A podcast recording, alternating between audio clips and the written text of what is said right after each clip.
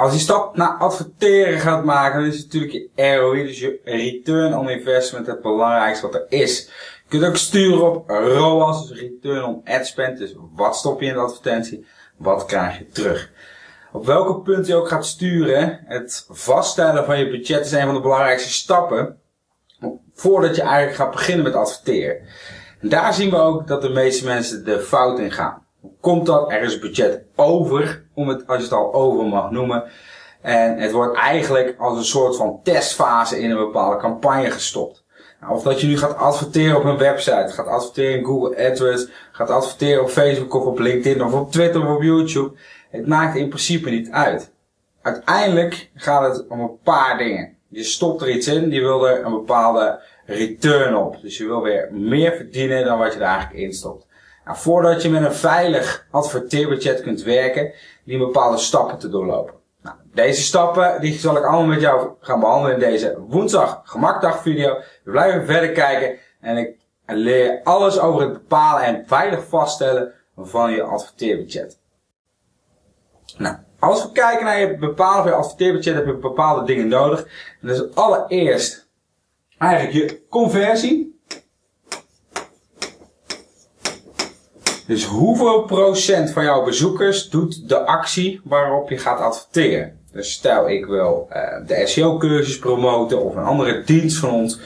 Wat doe ik dan? Ik bepaal van oké, ik ga naar die pagina waar de verkoop gemaakt kan worden. Ik kijk in mijn Analytics account hoeveel conversiepercentage die pagina op dit moment heeft.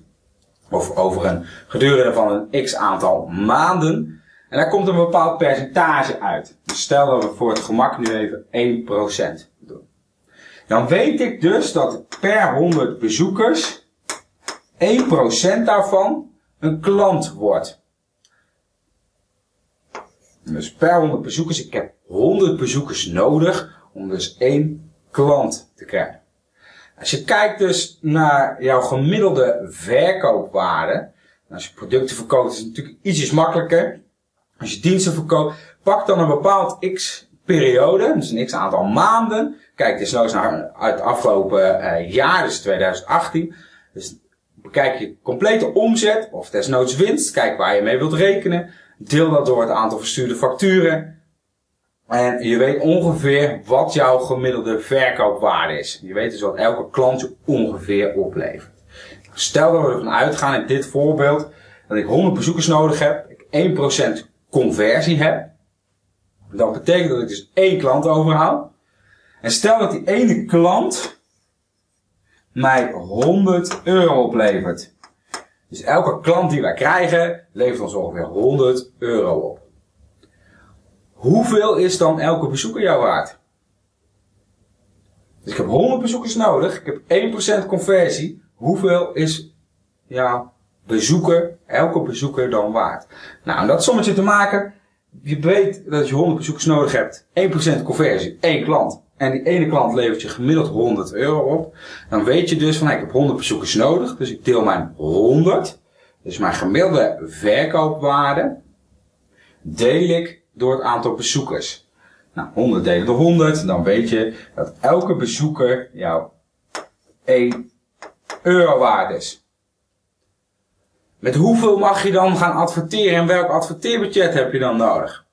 Nou, daar komen we zo op. Stel dat ik nu met 1 euro ga adverteren. Dus 1 euro per klik ga adverteren. Ben ik dan slim bezig? Wat ik dan doe is dat ik eigenlijk geen winst maak. Want ik betaal 1 euro per bezoeker. En we hebben net uitgerekend dat ik ook 1 euro per bezoeker mag betalen.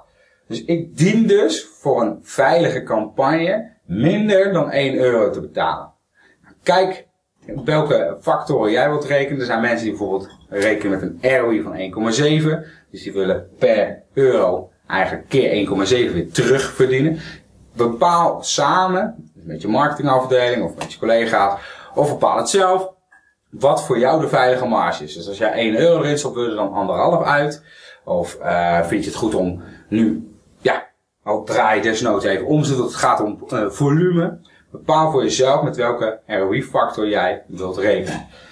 Als je je conversie op een gegeven moment gaat verhogen. Dus ik weet dat ik per 100 bezoekers niet 1% klant binnenhaal, maar 2%, dan weet ik dat ik niet per 100 bezoekers één klant krijg, maar in dit geval twee klanten. Nou, elke klant levert ons 100 euro op, dus dit doe ik keer 2, dan weet ik dat ik 200 euro uiteindelijk omzet en dat ik niet dus 1 euro per bezoeker mag betalen, maar 2.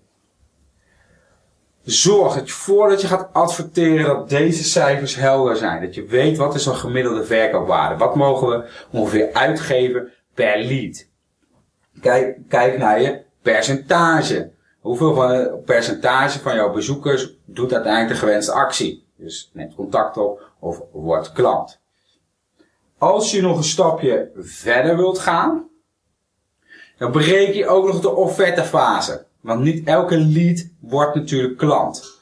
Dus stel dat je verder wilt gaan, dan kijk je van nou, we hebben 10 offertes gestuurd. Van die 10 offertes zijn er 5 doorgegaan. Dat is dus 50%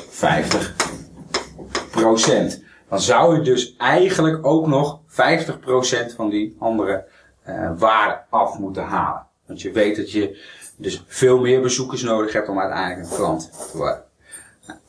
Mocht je vragen hebben, opmerkingen, suggesties voor een volgende gemakdag. Of gewoon graag deze gemakdag uh, blijven volgen. Klik ergens op subscribe of abonneer of welke taal er ook staat. Uh, mocht je vragen hebben, laat het gewoon achter in de reacties. Heb je suggesties voor de volgende video? Laat het vooral weten. Ik reageer overal persoonlijk op. Succes!